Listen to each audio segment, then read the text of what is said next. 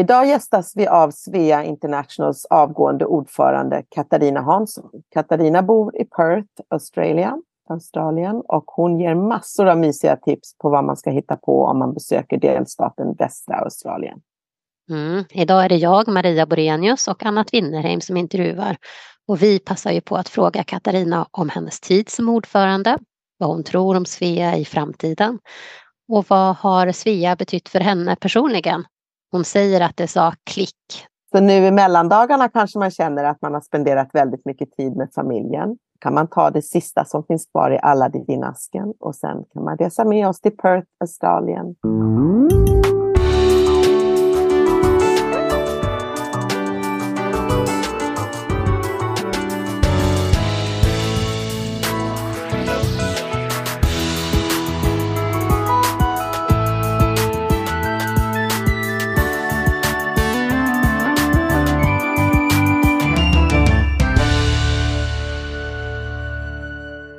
Hej allihopa! Mitt namn är Katarina Hansson och jag är ordförande för SEA International. Detta är andra året och eh, det andra är min kandidatur. Jag bor i Perth, världens mest isolerade storstad. Vi befinner oss nu på västra delen av Australien och här har vi bott sedan 2007 då jag och min familj kom hit och vi skulle börja vara här. Ni vet det traditionella, mellan två, max tre år. Vi skulle ha en time-out ifrån vårt stressiga yrkesliv hemma i Stockholm. Och barnen var då åtta och nio år. Eh, och ni kan ju räkna då hur gamla de är idag. Eh, men vi är fortsatt kvar och Svea har för mig varit otroligt viktig från dag ett. Det klickade på första årsmötet där 2008 och sedan dess så har jag varit Svea trogen och haft olika roller egentligen från den dagen.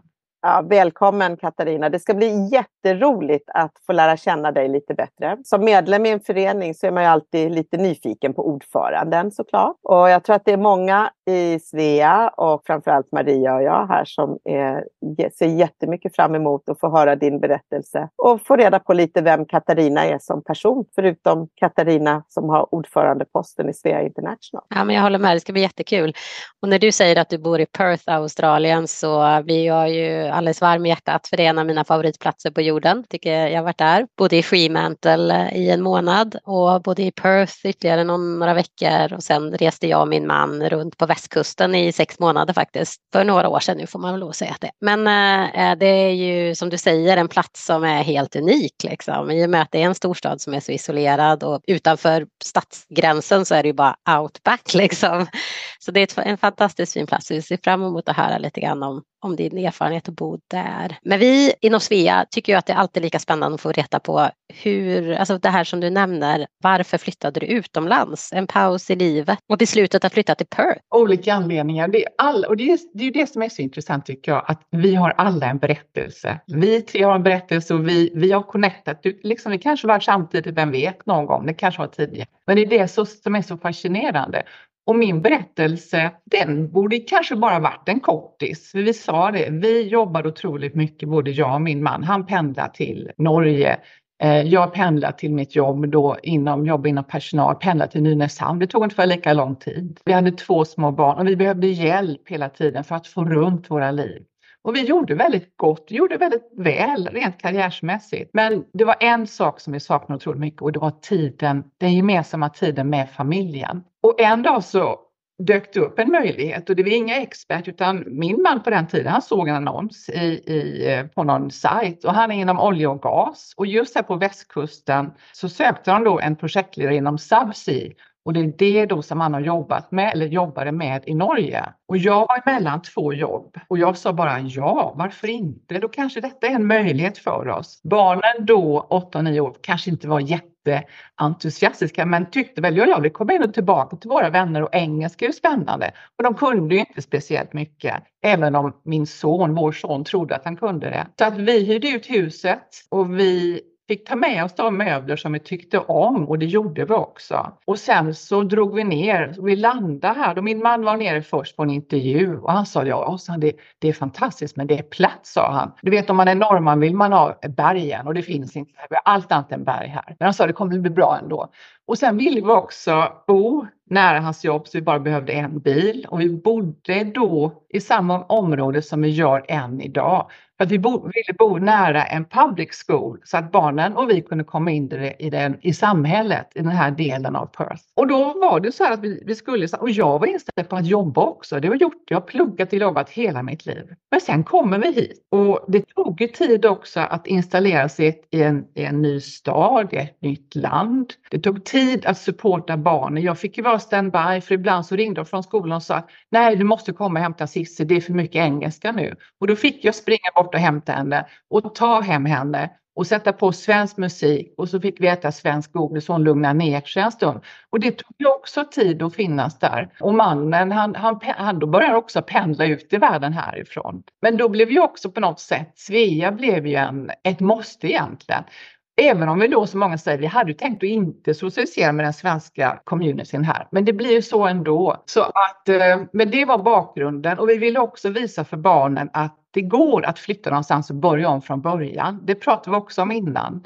Men det var egentligen tiden att komma ikapp som familj. Och jag ska vara helt ärlig och säga att jag var väldigt duktig rent yrkesmässigt, men hade inte haft tid att, att fokusera mam på mammarollen. Det ville jag också göra faktiskt. Jag ville ge mina barn, jag ville ha tiden ihop med dem och familjen. Tänker du mycket på att eh, det är väldigt långt bort från Sverige? Det gör, det gör jag, men det tar lika lång tid att ta sig från norra delen av Sverige ner till södra delen om man kör. Eh, jag är, jag är till, jag har inte så många släktingar, men jag är ungefär 20, drygt 20, 20 timmar bort härifrån. Det är långt och det är enda nackdelen och vi måste över Indiska oceanen för att komma hem. Men det går och man kör antingen upp till Asien eller till eh, Qatar eller Dubai och sen så är det bara en flight upp till till Sverige. Eller så kan man åka direktflighten till London, 16 timmar. Eh, men jag vill, jag vill hellre röra på mig. Det är långt borta men det är hanterligt och det måste man ha den inställningen. Det där delar man egentligen med alla som bor i Australien. Att alla australiensare känner att de är lite isolerade från resten av världen på många sätt eftersom de är mer europeiska eller amerikanska egentligen än vad de är asiatiska. Så det är, liksom, det, det, det är ett mellanrum mellan eh, Europa. Men eh, Berätta om ditt liv i eh, Perth. Vad gör ni på dagarna och hur ser livet ut i Perth? Och hur, hur är vädret idag till exempel? Är det varmt? Det är väldigt skönt. Det är 27,5 grader idag och sol. Jämfört förra veckan hade vi 40 grader så att det börjar hettas upp nu. Den första december var första eh, dagen, eh, första sommarmånaden. Så att vi går på sommar och då runt julen då brukar vi komma tillbaka till runt 40 grader. Så vi har ett fantastiskt klimat här. Det är väldigt skönt i vattnet också.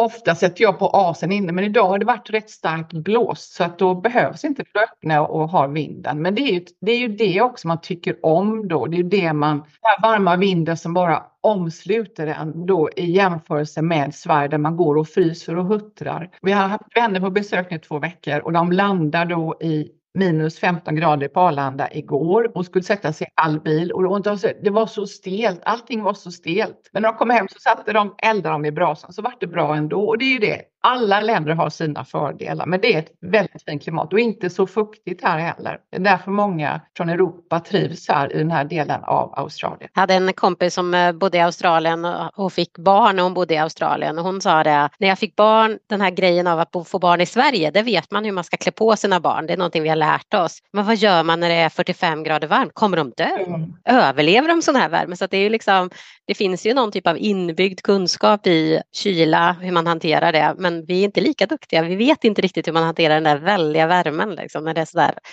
ordentligt varmt. Och då är Svea fenomenalt. Jag vet att man, om man skulle amma så lägger man på eh, kolhuvud, alltså bladet från ett kolhuvud på brösten för att det, det blir lite kallare då. Så man har lärt sig, inte för att jag är det, men jag har, jag har förstått det, de som har barn och ska amma. Så man, man, får, man får hjälpas åt, men jag förstår det. Hur gör man? Men det är mycket lättare här, det är inte så mycket kläder och det behövs parasoll egentligen i motsats till, eh, till Sverige. Ja, det är ju lättare att leva när det är varmt. Det går inte att komma ifrån. Det är mycket lättare ja. också. Så att, ja. Hur många svenskar är ni där ungefär? Eh, har du någon uppfattning om det? Jag vet inte, det går upp och ner det där. Vi brukar säga två, runt 2000, mellan 1 och 2000. Jag menar under covid så drog väldigt många hem. De vill inte vara kvar här. Då pratar jag hela delstaten Western Australia. Jag har tät kontakt med honorärkonsul, men det är svårt för man behöver inte registrera sig längre och då är det svårt att ha uppfattning också. Många kommer hit och bor liksom högt, eller uppe i Broome. Liksom. Finns det inte någon koll på dem heller. Men vi har två svenska kaféer här och det, det, är liksom, det lockar ju våra, eh, den svenska communityn, eller vad säger man, communityn, den svenska gruppen och vi har svenska gruppen som kör julmarknad också så att det finns en, väl, det finns en väldigt fin svensk kultur här och det underlättar ju också för oss svenskar. Hur många bor allt som allt i Perth? Två miljoner är det här i delstaten. Så det, är ju, det är ju en liten stad. Det är, detta är en gammal egentligen country town. Så att många är ju liksom fortsatt, man kommer in från landet här och kör in med sina liksom traktorer, inte, inte det, men det har ju varit det i motsats till östkusten. Där har du ju alla de stora företagen. Har du mycket, å andra sidan har vi väldigt mycket mining och olja och gas, så att vi pumpar ju pengar till hela Australien och det vill man ju gärna säga. Och uppe i den norra delen av Western Australia har vi ett otroligt gruvsamhälle, alltså runt Pilbara det är fascinerande. Så vi har varit där och kikat och det är en helt annan värld. Så det lastas mycket råvara härifrån, järnmalm exempelvis, går eh, upp till Asien och framförallt till Kina då, uppifrån den norra. Ett mycket intressant land är det jag vet om Perth är att det är jättebra kitesurfing. Och det är inte för att jag kitesurfar, men min man gör. Så. ja, och det börjar nu också. Nu kommer ju vindarna. Så att jag var inne och kikade idag. Idag är det bra vindar faktiskt för kitesurf. De kommer ut så att man har olika säsonger där också. Det är ett eldorado för alla typer av vattenfordon brukar jag säga. Allt ifrån liksom kiten till surfare till denna paddleboard. Till dykning också, scuba diving. Men sen har vi hajarna, får vi inte glömma. Vi eh, som sagt var, var i eh, Perth och Fremantle under en längre period och, och bodde framförallt i Fremantle som är lite mindre då. Det är ju en liten, ja, nästan som en förort kan man väl säga till, till Perth. Hade en fantastisk tid som du säger. Vi eh, ute på Rottnest Island och gjorde mycket dykning och den typen av grejer och så vidare. Och vi hade som regel där vi, det fanns en, en beach som heter, heter den Cottesloe Beach? Ja, det är det mest, den mest kända då. Ja. Lite lite mer norrut ifrån Fremantle och sen ligger ju liten beach på vägen upp och där tror ni också var då? Ja, det var vi absolut. Men ja. där hade det varit hajattacker ganska nyligen. Det är inte jätteovanligt där. Jag tyckte det var så spännande för då kom de här skolklasserna med australiensiska skolbarn på en varsin dunk med eh, solkräm som de liksom, du vet, det var så här stora pumpar som de bara liksom täckte sig med solkräm och så ut och så hade de sin simskola där ute på den här stranden och då sa vi där, så länge det finns australiensare utanför så är det hajsäkert. Ja, och sen får du inte glömma Maria, de har ju små sådana här fula toppar också som är liten, som man ska kunna se med vattnet och våra barn de hatar dem för alla måste ha för att kunna räkna in dem.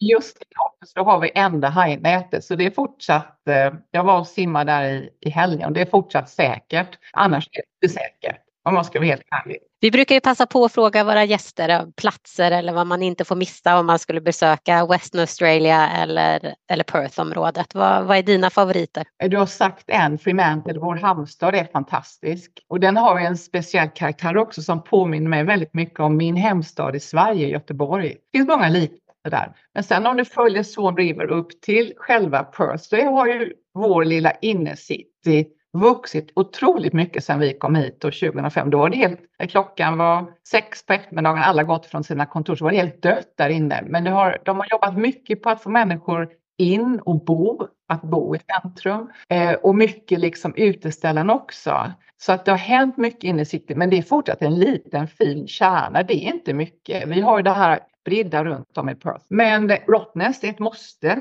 faktiskt och det är bara en halvtimme bort med färjan. Sen var vi nere i helgen nu med våra vänner och i Margaret River, ett stort fint vindistrikt. Det är tre och en halv timme bort som är helt oslagbart. Där har du väl, vi har fantastiska stränder här, men där nere har du ännu vackrare stränder och väldigt bra vingårdar. De mindre vingårdarna, inte som på östkusten. Och de har ju sin eh, jord också så att de är duktiga på cab Sav exempelvis. Och det är de väldigt duktiga på jag tror att det är fem, sex vingårdar på västkusten eller på, här nere hos oss som finns på Systembolaget i Sverige och det är ju fantastiskt. Ja, men Margaret River-viner är verkligen eh, helt unika. Ja, eller mot Franklin, du har lite kallare klimat, du har Riesling där också, lite mer mot Albany som en annan liten pärla. Mm. Så det finns mycket pärlor, men sen har vi också bara 30 minuter rakt bort här. Då kommer vi till eh, Swan Valley, en liten fint vinområde med faktiskt riktigt bra vingårdar också. Eller så åka upp till The Hills som också är liksom bara 30 minuter bort. Så att det finns väldigt mycket nära. Men när man ska vara äventyrlig, då vill jag rekommendera, precis som du har gjort Maria, att sticka rakt norrut. Åka upp till eh, Ningaloo Reef och dyka där. Åka vidare upp till Broome och titta på pärlodlingarna. Eller åka ut till formationerna i Karagini kampa där och gå ner i de här eh, ravinerna. Det är vilt där ute men fantastiskt, det är oslagbart. Åh oh, gud, jag blir helt sugen på... ja, då pratar jag bara den här delen. Och det var därför vi hade också regionmöte 2006 som blev jätteuppskattat. Och så hade vi vårt världsmöte 2017. För jag tror vi gjorde så bra ifrån oss då. Så vi hade ungefär samma före och efterresa som var väldigt uppskattat också. Så att vi är, vi är duktiga, vi är stolta vi som bor här och vi är duktiga på att marknadsföra den här delen av Australien också. Och det är jätteroligt. Ja. Och som svensk eller som europé överhuvudtaget så flyger man ju ofta som du säger till Sydney och håller sig på östkusten, liksom traditionella ja. Australien där upp till Cairns eller något liknande. Liksom. Men det, det är ju någonting annat på västkusten. Vi, eh, vi flög till, eh, vi bodde på en farm ute på Gibb River Road som är liksom verkligen nord, nordöst, nordvästra hörnet utav eh, Western Australia, precis i den liksom mest isolerade delen av nordvästra hörnet, norr om Broome och, och, och, så vidare. Eh, så vi man flyga in till farmen och eh, vi bodde där i några veckor och, och jobbade. Eh, de hade 6000 fria kor som rörde sig på ett område stort som Skåne tror jag det var. Alltså det var gigantiskt liksom den här farmen. Då behövde helikopter också. Där och flyg och sen hade vi ju liksom sådana här bilar som man kan åka i djupa liksom, vattendrag och hela köret. Så det var en fantastisk upplevelse att bo där under, under några veckor och få, få liksom känna den här totala isoleringen som det är när man bor på det där sättet. Ja, det finns mycket att se i Western Australia. Visst blir vi sugna, Anna? Ja, men herregud, ja, jag kommer. Jag har aldrig varit i Australien. Det, det känns som jag inte har varit någonstans när, jag, när vi pratar med alla människor, alla sveor runt om i världen. Det, det är intressant just det där att man eh, slutar aldrig förundra sig hur stor världen är och hur mycket fina platser det finns. Och, ah, man blir helt varm i hjärtat. Man blir det. Men nu är vårt gästrum ledigt igen så det är bara att komma. Nu har du berättat så mycket av fint om där du bor, men eh, jag kommer ihåg hur jag inte tyckte om att få den här frågan. Men vi måste ju fråga, tror du kommer flytta hem till Sverige igen? Nej, vi fick ju den frågan i och med att vi hade sagt det här att vi skulle åka hem igen och jag förstår vad du känner när man får frågan. Men det var länge sedan jag fick den nu. Nu är vi etablerade, våra barn är, de har studerat, de har börjat jobba här och vi jobbar själva här, min make och jag. Det här är vårt hem. Vi är ju både medborgare här i Australien och i Sverige. Och min man är också från Norge så att det, han är norsk och eh, australiensare. Jag vet inte, kanske, kanske på rätt årstid och jag kan tycka att hösten eller vintern är fantastiskt i Sverige. Så det behöver inte vara sommar, men att man delar upp någonting framigenom. Men vi trivs fantastiskt bra här. Så att kanske, jag får återkomma när det gäller den frågan Anna. Ja, det är då att din man kommer från Norge som sagt och, eh, och dina barn. Då. De är ju Aussies nu. Aussies, ja precis. Känner du att det är någonting som de har missat från eh, att ha vuxit, skulle ha vuxit upp i Sverige eller Norge? Nej, de har fått ett otroligt mervärde och jag känner också det att eh, man har öppnat upp världen på ett fantastiskt sätt. Jag brukar säga det när man väl öppnar, och det gäller mig själv också, för jag hade också en dröm. Min man har pluggat och jobbat väldigt mycket utomlands, men inte jag. Så jag hade också den här, jag närde en dröm att komma iväg. Jag hörde också att Anna sa att hennes mamma sagt att, att hon har sagt när hon var liten att jag kommer bo utomlands en vacker dag. Det sa aldrig jag, men jag tror att jag gick och grunnade på det länge och jag ville på något sätt också testa det på något hur är det egentligen? När jag väl öppnar upp det här fönstret mot, mot omvärlden, liksom mot världen, jag skulle aldrig vilja stänga det igen för att det har gett mig så otroligt mycket som människa. Och det har gett min familj också otroligt mycket. Och mina barn, de älskar Sverige. Nu åker min son och flickvän över till Sverige och firar jul där. Min dotter var i Europa i eh, en och en halv månad i i, eh, i somras, svenska europeiska sommaren. Och åkte runt. Så att de, du vet, de är, och när jag frågar sist efteråt, vad var det bästa? Så han så bli inte arg nu mamma. Nej men berätta då. Nej jag tror att det var den här eh, tågbanan mellan Oslo och Bergen, Flånbanan. Jätteintressant. Då, då, då, då, liksom, då hör man de här norska rötterna eh, ropa till en och hon vill gärna komma tillbaka och upptäcka mer om Norge. Så det, det, är en härlig, en härlig blandning. Och jag ställer frågan också, tror ni att det skulle ha, om ni hade ett val, om ni hade fått välja, hade ni velat vara kvar i Sverige och gjort den resan och gjort här och där utbildningsmässigt? Nej mamma, vi älskar Australien. Men, röt, ja, men rötterna finns där och det finns en stolthet också. Vad fint. Ja, och det är det faktiskt. Det, är det. det här är ju någonting som vi delar inom Svea, den här känslan av att diskutera alltså valet av att inte bo hemma i Sverige, vad innebär det för våra barn? Är det okej okay att man hela tiden är lite kluven, att det är jobbigt att få den här frågan som sagt var och det är ju verkligen någonting som vi inom Svea många gånger eh, kan diskutera för att det är någonting vi har alla gemensamt faktiskt. man förstår varandra. Det är ingen annan. Det är därför vi är den hemliga klubben, eller hur? Mm. En hemlig klubb på 6000 som förstår den här frågan också. Men det intressanta är att även om vi pratar svenska hemma så pratar barnen alltid engelska. De pratar engelska när de träffas, bara de två. Jag har frågat det någon gång och de gör det. Jag vet att även vänner som flyttat hem igen och barnen eh, har vuxit upp här, då pratar de engelska hemma med varandra för det är det de har liksom vuxit upp med. Så det är så spännande. Där har vi ju Svebu som är experter på det också. Man kan liksom markera sig och få den stämningen. Men det är intressant. Vi är, vi är lite udda fåglar vi som bor eller har bott och kommit hem. Då behöver Svea och dela den. Del, för det kan vara en sorg också egentligen. Det kan vara en glädje men också en sorg att man har missat någonting och har dåligt samvete gentemot gentemot våra föräldrar och syskon också. Mm, absolut. himla tur att våra föräldrar aldrig, de förstår, de har varit här och förstår varför vi har valt det här livet. Och, och då lär jag mig också, jag ska aldrig, sånt ska jag också vara gentemot mina barn. Tänk på det är viktigt att man får den liksom bekräftelsen. I början av intervjun här så nämnde du att när du träffade, eller när du stötte på Svea första gången, men jag hade redan skrivit en fråga här som jag vill ändå ställa. Så var det kärlek vid första ögonkastet?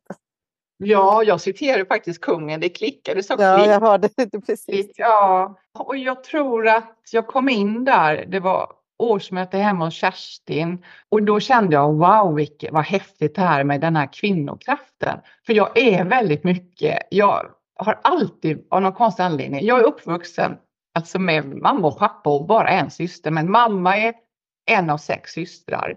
Pappa kommer från en, hen, min farmor eh, tog hand om fem barn medan farfar var i USA och, och eh, han utvandrade och satte igång business där. Så hon skötte allting. Jag är liksom omgiven av starka kvinnor mm. och jag tror att det har jag fått med mig att allt är möjligt också. Så att när jag var yngre då, jag hittade på mycket roligt men och ofta liksom stöttar sig. Men även då i, i tennis, utbildad tennisinstruktör och då körde igång en tenniskommitté, en kvinnlig då i min tennisklubb hemma i Sverige. Och det var sånt motstånd, det kommer aldrig att gå. Det är klart det går, sa jag. Och det gick och det var, så, det var fantastiskt alla dessa kvinnor som spelar tennis. Jag tror jag vurmar för det, man ska alltid stå upp för varandra och kvinnor behöver ibland den här, en extra liksom, den här, någon som tar den där och säger men gör det här nu. Jag, bara, jag kände mig som en, wow, det här är häftigt liksom. Det här, det här vill jag engagera mig i. Vet du hur länge Svea har funnits i Perth? Vi firar 20 år eh, nästa år. Så att jag, när jag var avloppsordförande så firar vi 10 år. Så är det 20 år nästa år. Så att eh, vi var faktiskt först ut i Australien och sen så hjälpte jag till att starta upp i Melbourne. Och sen då 2019 så vart det Sydney, Adelaide och Canberra. Så att vi växer och de är ju fortsatt störst där uppe i Sydney med totalt 98 medlemmar. Så att det, är fantastiskt att vi har, och det är också en, en eh, det är kul att ha Svea systrar så nära men ändå långt borta. Hur ser jultraditionerna ut för Svea Perth? Eh, vi har julmarknad tillsammans med Svenska klubben, hade det förra helgen och vi har Svea julfest hade vi också förra fredagen Eh, och sen så har vi ett glöggmingel hemma hos vår ordförande Nicke Sundqvist. Det vill se här, det är på den 17 december, så då, av, då avrundar vi året här med glöggmingel där hemma. Då träffas vi och dricker glögg och, och äter där lussebullar hoppas jag. Ja, vad trevligt. Just det här avsnittet kommer sändas i mellandagarna så då har ni liksom festat klart då i Svea Perth? Ja, absolut. Och sen så, så umgås man också väldigt mycket. Men när man inte har familjen så blir ju Svea, det blir ju ens familj. Att jag firar jul med Sveor och deras familjer också. Och vi, vi, möts, vi möts och gör det bästa. Vi har ju en, en fantastisk jul här. Vi får ju både 24 och 25 och 25 åker vi till stranden tidigt och sätter upp tältet med. Då blir det crayfish där nere. Okej. Okay. Vi tar det bästa av allting. Är det en australiensisk tradition? Det är det. Det är, det. Det är våra Aussies kompisar som gör det och då vill vi också vara med och det är tidigt så det inte blir för varmt där. Åtta nu så har vi väldigt mycket space men just den 25 så är det mycket, mycket människor. Det är fantastiskt där. Är du en svensktalande kvinna som bor eller har bott utanför Sveriges gränser? Då är Svea föreningen för dig. Ta chansen att bli medlem i ett globalt nätverk med över 6 000 svenska kvinnor. Vi har över 70 avdelningar i 33 olika länder. Så gå in på svea.org där du kan hitta alla våra olika avdelningar och bli medlem idag. Där kan du också läsa om allt intressant vi har på gång.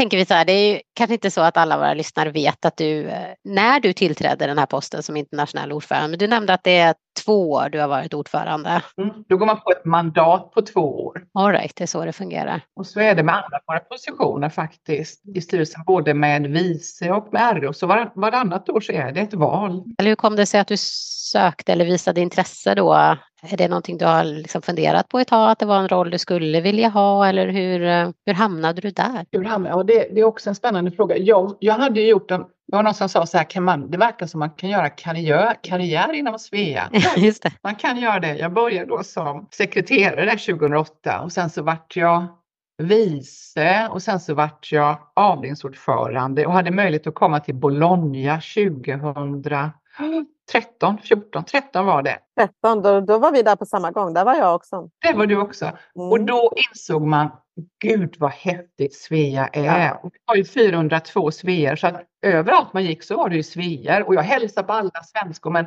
när någon var från sjuk, Danderyd sjukhus också så det var vi och Danderyd sjukhus. ja, just.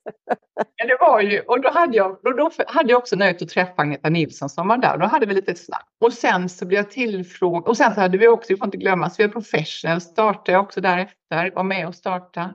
Och sen så var det ju världsmöte här med 200 inresande Svea från hela världen 2017 som var helt fantastiskt. Och Kristina Halmert ordförande. Och därefter var det lite lugnt igen. Och sen så fick jag en fråga för att då tyvärr den dåvarande regionordföranden för ASOK fick av familjeskäl stiga av och då behövde de snabbt en RO som kunde komma in och ta över efter henne. Jag fick en förfrågan då av Susanne Sander då hon var IO. Eh, och då skulle vi precis sticka norrut, ut i bushen. Vi gör det varje år eh, med vänner för att då har man ingen kontakt med någon. Det är fantastiskt. Då har man bara stjärnorna som leder den. Och då sa jag, ja fantastiskt, ja, men jag, det här måste jag verkligen få tänka. En stort är regionordförande för Asoc. Det är ungefär 450 medlemmar i den här regionen. Det är minsta regionen av våra sju, men det är ändå stort åtagande och ett stort ansvar också. Och då ska man även då som regionordförande vara med på styrelsemötena i Sve International.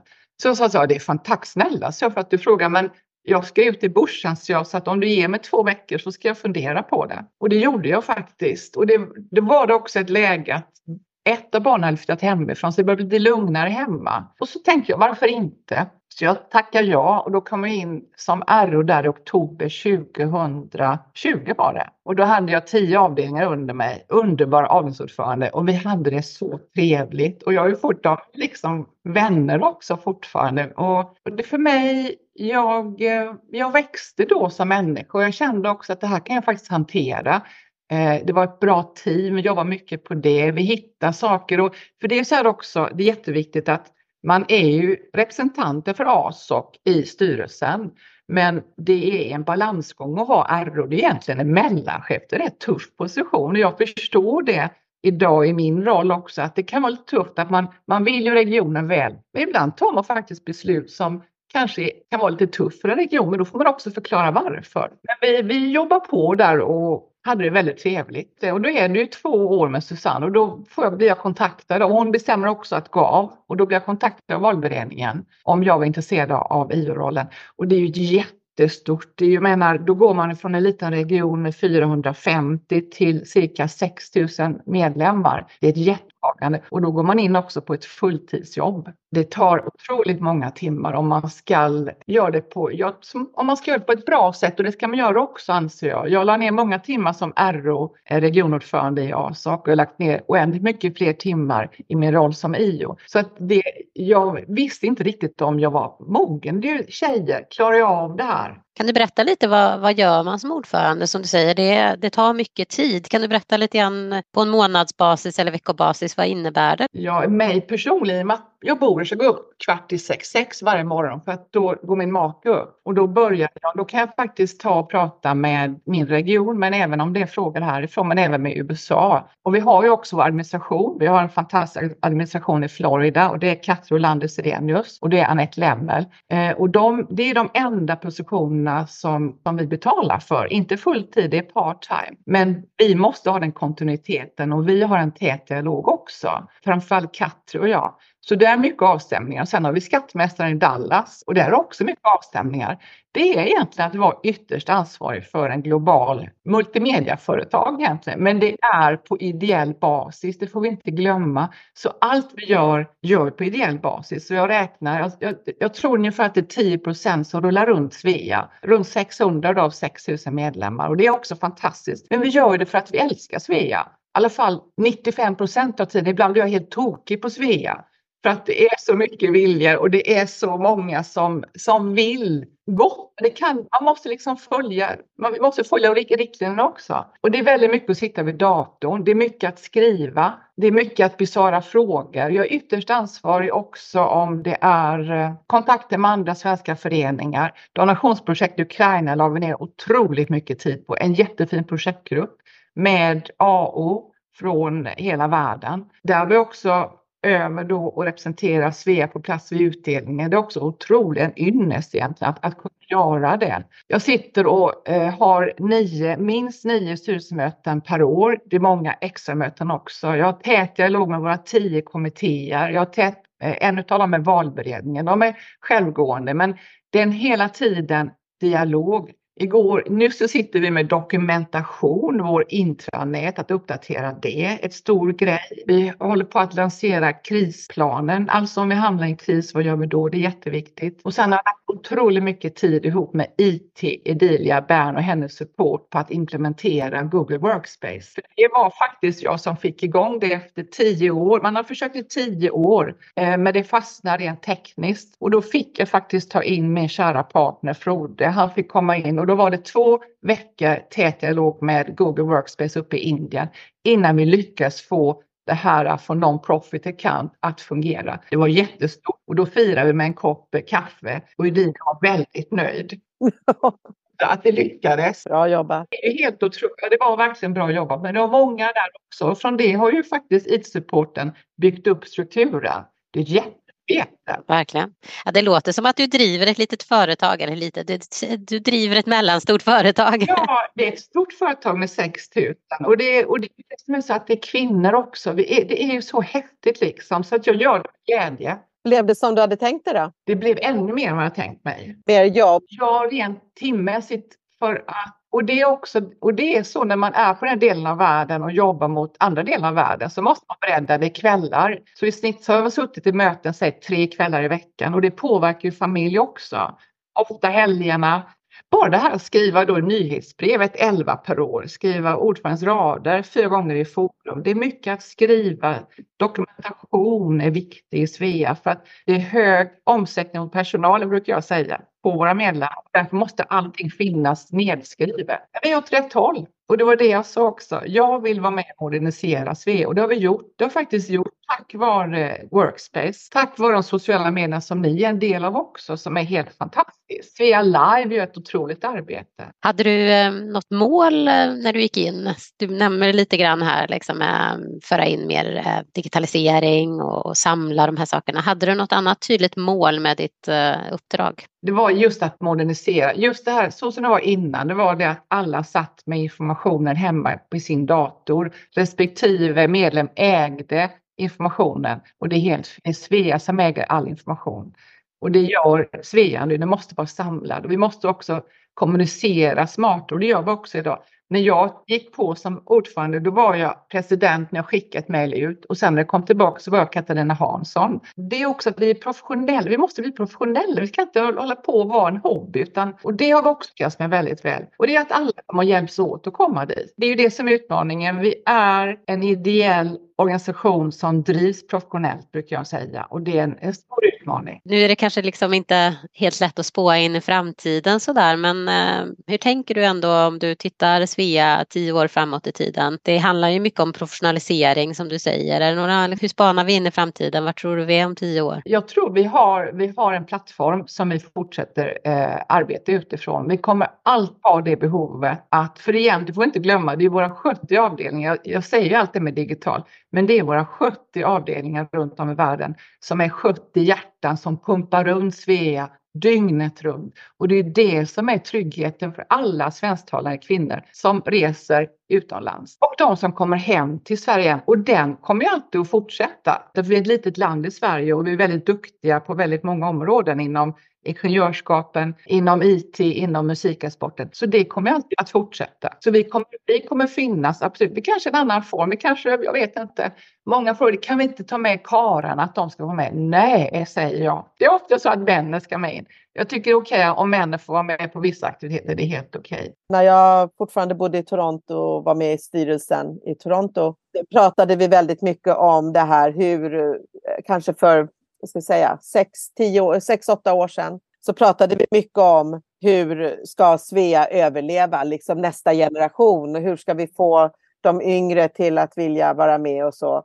Och jag måste erkänna att jag var så inkörd i vad Svea gjorde för mig när jag kom ut i världen, när när man inte kunde ringa hem eh, gratis och man kunde framförallt inte se varandra liksom på Facetime. Det, det var ju bara Hedvig i, från A till Ö som hade sånt. Och då fyllde ju Svea en jättefunktion för, eh, när man kom ut och när, eh, såklart när Agneta Nilsson började ännu längre sen. Sådär. Men jag tycker att eh, ni, vi, har, vi gör ett jättebra jobb med att involvera nästa generation på ett sätt. Så jag tycker det är så roligt att se det här med Svea Professional som känns som en stor del i det. Och eh, jag har tre döttrar som ehm, jag mycket väl kan tänka mig. De, de behöver bli lite svenskare kanske för att verkligen organisera sig i Svea kanske. Men när de blir lite äldre och tar tag i sin svenska, svenska språket så kan jag mycket väl tänka mig att de organiserar sig också och ser behovet. Ja, att man, att man har en önskan att, att göra det också. Jag menar min dotter hon, är ju, hon måste ju vara med, det är bara så. Hon tycker att det är om mamma liksom. Men jag, jag, för jag håller med det där. Och sen ser jag också, jag sitter och tittar på de som nya medlemmar som kommer in och det är många yngre. Och jag, jag, jag tror, jag vet att jag är hjärntvättad med Svea, men jag tror ju också att vi lever i ett väldigt ett, en orolig tid nu. Jag tror också att Svea har någonting att fylla där. Att, för det är många, ovanligt många yngre som vill komma in och bli medlemmar just nu det senaste halvåret egentligen.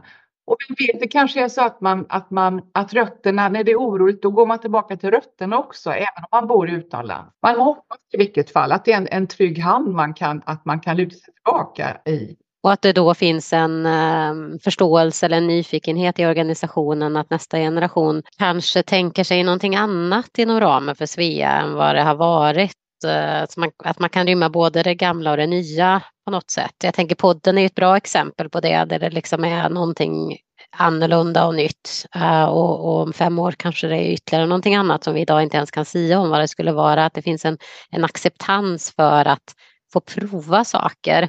Jag gillar det där du säger med att vi är liksom en professionell organisation för jag tycker det, är något av det roligaste med att jobba med podden är ju att här får vi vara, även om inte vi är liksom professionella på att göra podd så, så är vi det. Vi gör vårt bästa i den här rollen och vi får utvecklas och vi får prova och vi får Uh, så det är ju lite grann, till skillnad från allting annat som är på allvar på ett helt annat sätt, så är ju Svea lustfyllt men vi gör det med väldigt stor professionalitet. Och då kommer ju också educational, det är ju den som kommer in, den är otroligt viktig där. Association, det får vi inte heller glömma och det kan man lyfta upp till olika sammanhang.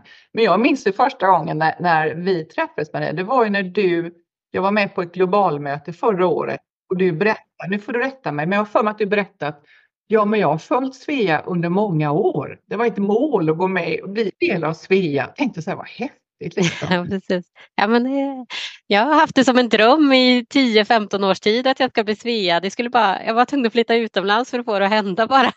Det tar lite tid ibland. Ja, vilken tur att du gjorde det. Nej, men för mig var det en eh, bra liksom, trygghet när jag skulle flytta utomlands. Så det är inte bara när man är ute utan också när man förbereder sig för att flytta ut så tycker jag Svea har en roll att fylla och, och kanske skulle kunna ta en ännu större roll att fylla i form av tänk på men också det finns en trygg hamn där ute och så vidare och så vidare. Så att jag, Svea har en roll att fylla även i det skedet som jag tänker att vi skulle kunna utveckla. Och jag tror Svea-podden är en del av det. Jag lyssnade då också en hel del på Svea-podden precis innan med liksom, hur tänker man kring skolor, hur tänker man kring liksom, boende och ja, men väldigt så handgripliga saker lyssnade jag efter. Och, eh, Svea har många roller att spela verkligen. Framförallt i Toronto som jag har när, närmast kontakt med då så du sa det här med kris, att Svea nog, liksom, det, det är då man behöver det. Under pandemin så fyllde ju Svea en otrolig roll. Alltså, det var ju helt fantastiskt. Vi hade ju Lisa Kwanda Matteo i eh, Toronto då, så, och då, och hennes styrelse som gjorde ett fantastiskt jobb. Alltså, och koll, eller ringa.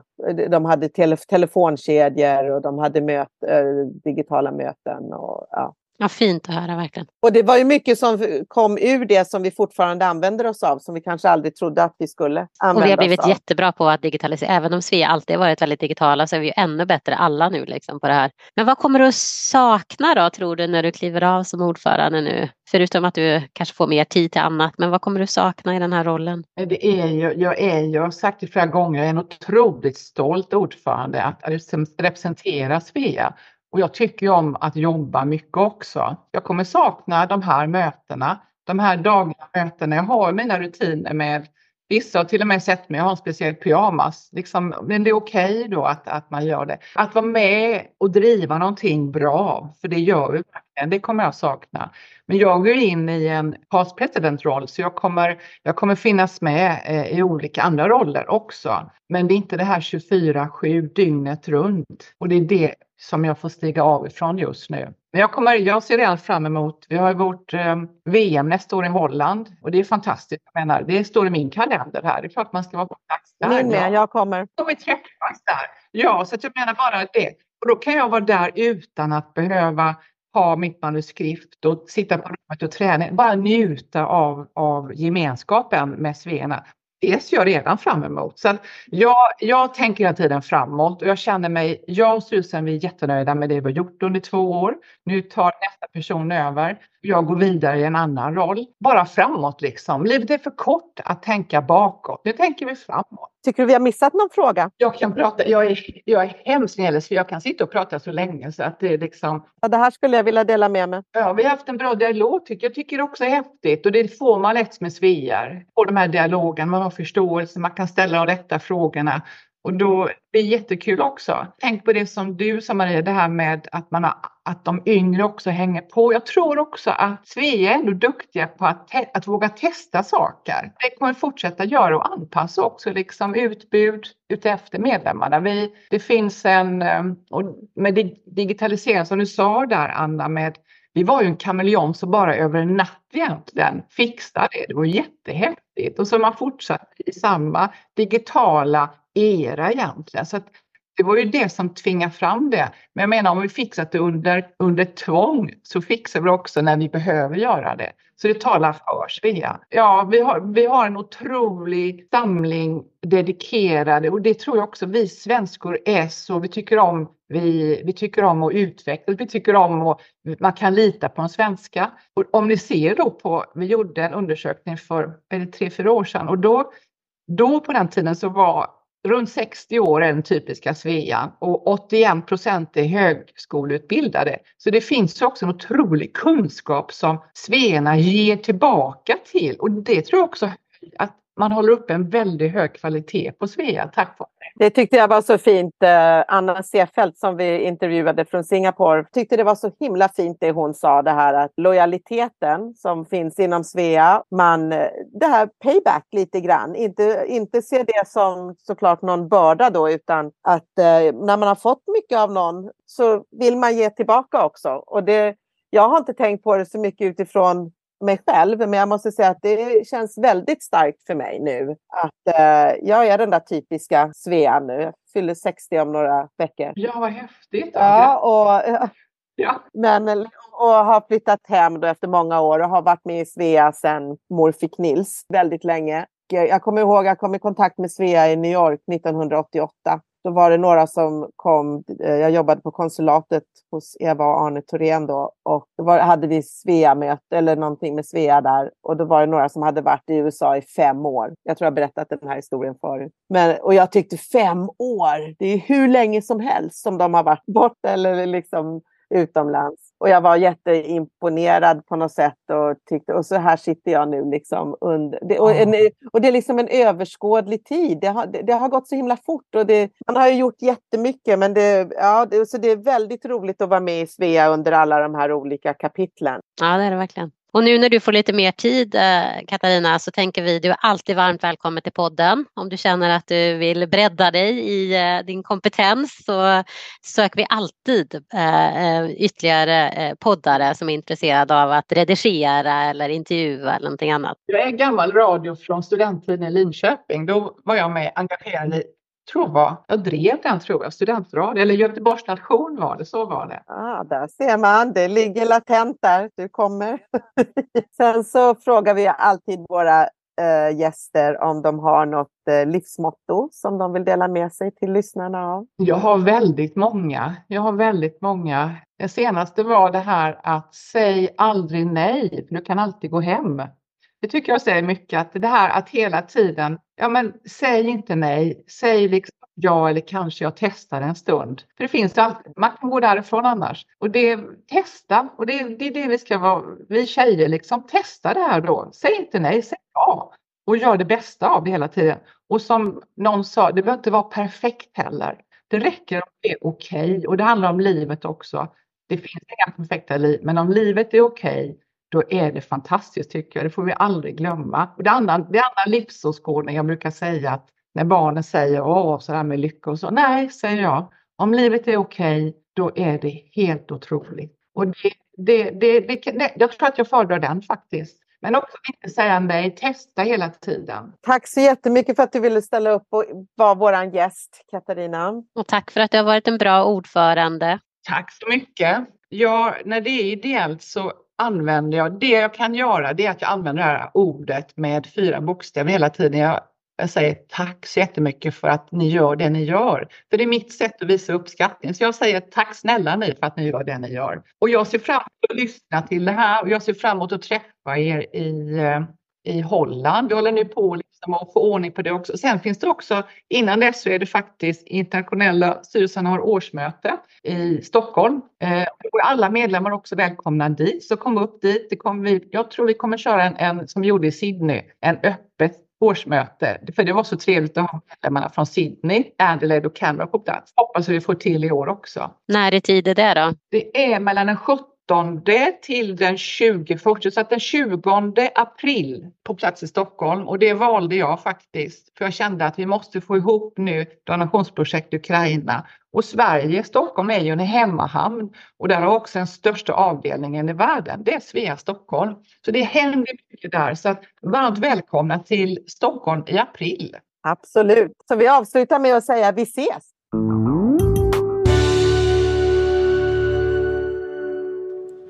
För att du har lyssnat. Den här podden är inspelad och producerad för Svea International. Musiken är skriven för Svea av Fredrik Åkerblom. Alla vi som på olika sätt är involverade i produktionen gör detta som en del i vårt frivilliga engagemang för Svea. Sveapodden finns på de allra flesta ställen där du hittar poddar. iTunes, Google Podcasts, Spotify etc.